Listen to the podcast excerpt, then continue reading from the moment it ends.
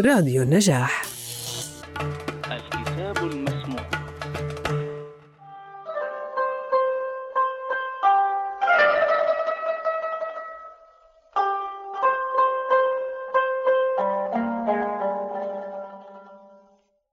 الغافل إذا أصبح ينظر ماذا يفعل والعاقل ينظر ماذا يفعل الله به. إنما يستوحش العباد والزهاد من كل شيء لغيبتهم عن الله في كل شيء. فلو شهدوه في كل شيء لم يستوحشوا من شيء. أمرك في هذه الدار بالنظر في مكوناته. وسيكشف لك في تلك الدار عن كمال ذاته. علم منك أنك لا تصبر عنه فأشهدك ما برز منه. لما علم الحق منك وجود ملل لون لك الطاعات. وعلم ما فيك من وجود الشره فحجرها عليك في بعض الأوقات. ليكون همك إقامة الصلاة لا وجود الصلاة. فما كل مصل مقيم. الصلاة طهرة للقلوب من أدناس الذنوب واستفتاح لباب الغيوب. الصلاة محل المناجاة ومعدن المصافاة. تتسع فيها ميادين الأسرار وتشرق فيها شوارق الأنوار. علم وجود الضعف منك فقلل أعدادها. وعلم احتياجك إلى فضله. فكثر أمدادها. متى طلبت عوضا على عمل طولبت بوجود الصدق فيه. ويكفي المريب وجدان السلامة. لا تطلب عوضا على عمل لست له فاعلا يكفي من الجزاء لك على العمل أن كان له قابلا إذا أراد أن يظهر فضله عليك خلق ونسب إليك. لا نهاية لمذامك إن أرجعك إليك. ولا تفرغ مدائحك إن أظهر جوده عليك. كن بأوصاف ربوبيته متعلقا وبأوصاف عبوديتك متحققا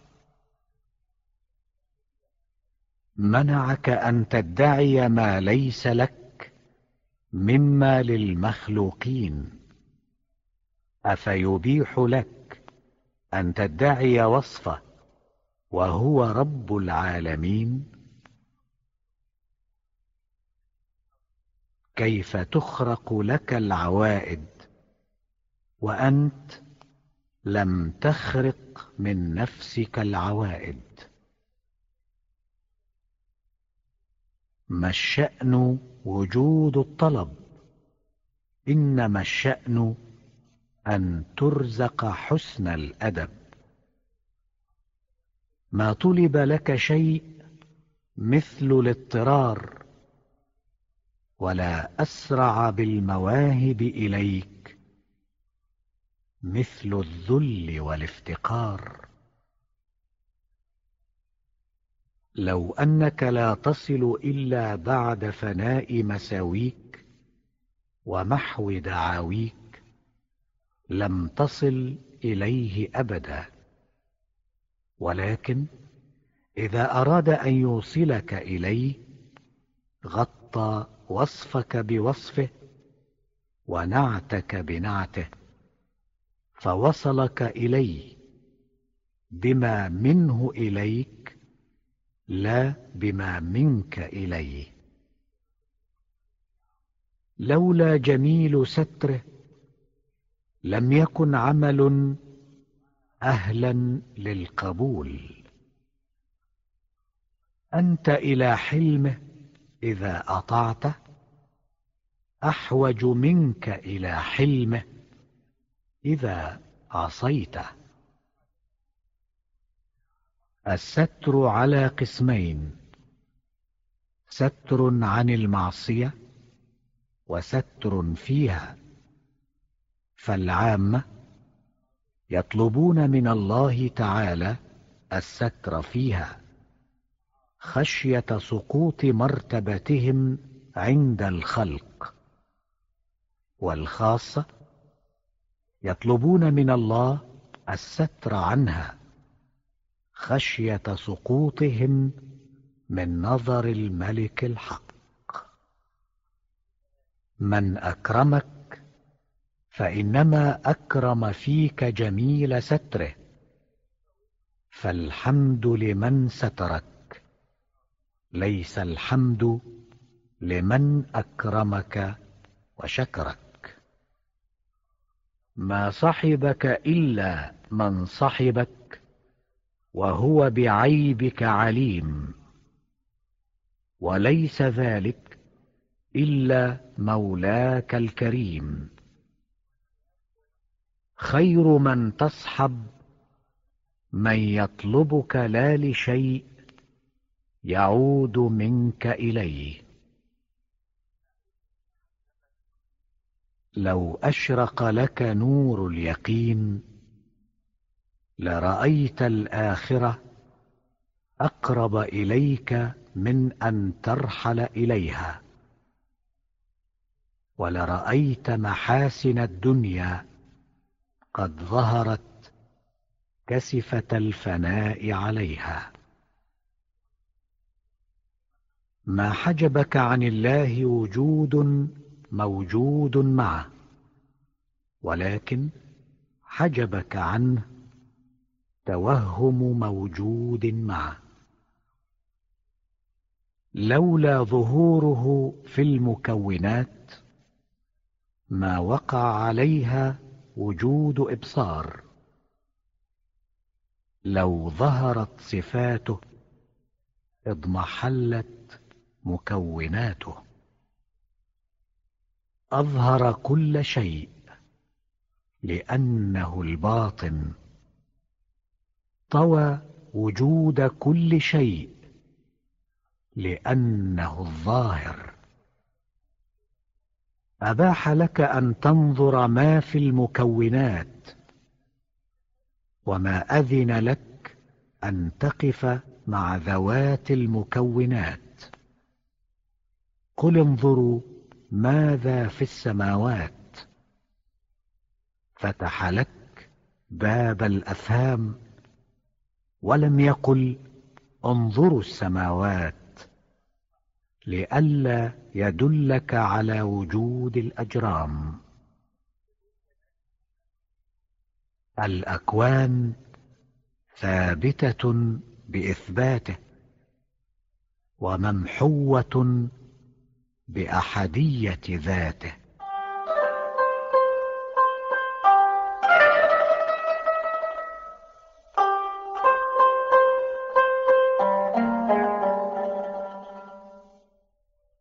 الناس يمدحونك لما يظنونه فيك. فكن أنت ذاما لنفسك لما تعلمه منها. المؤمن إذا مدح استحيا من الله أن يثنى عليه بوصف لا يشهده من نفسه. أجهل الناس من ترك يقين ما عنده لظن ما عند الناس. إذا أطلق الثناء عليك ولست بأهل فاثن عليه بما هو أهله. الزهاد إذا مدحوا انقبضوا. لشهودهم الثناء من الخلق. والعارفون إذا مدحوا انبسطوا لشهودهم ذلك من الملك الحق.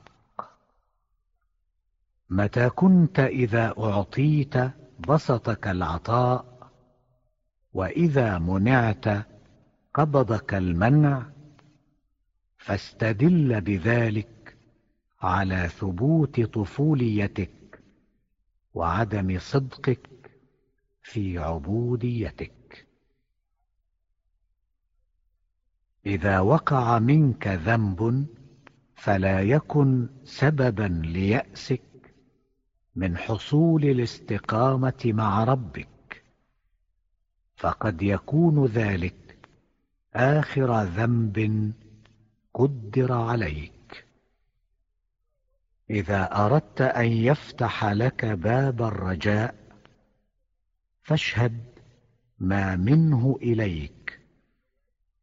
وإذا أردت أن يفتح لك باب الخوف فاشهد ما منك إليه. ربما أفادك في ليل القبض ما لم تستفده في إشراق نهار البسط. لا تدرون أيهم أقرب لكم نفعا.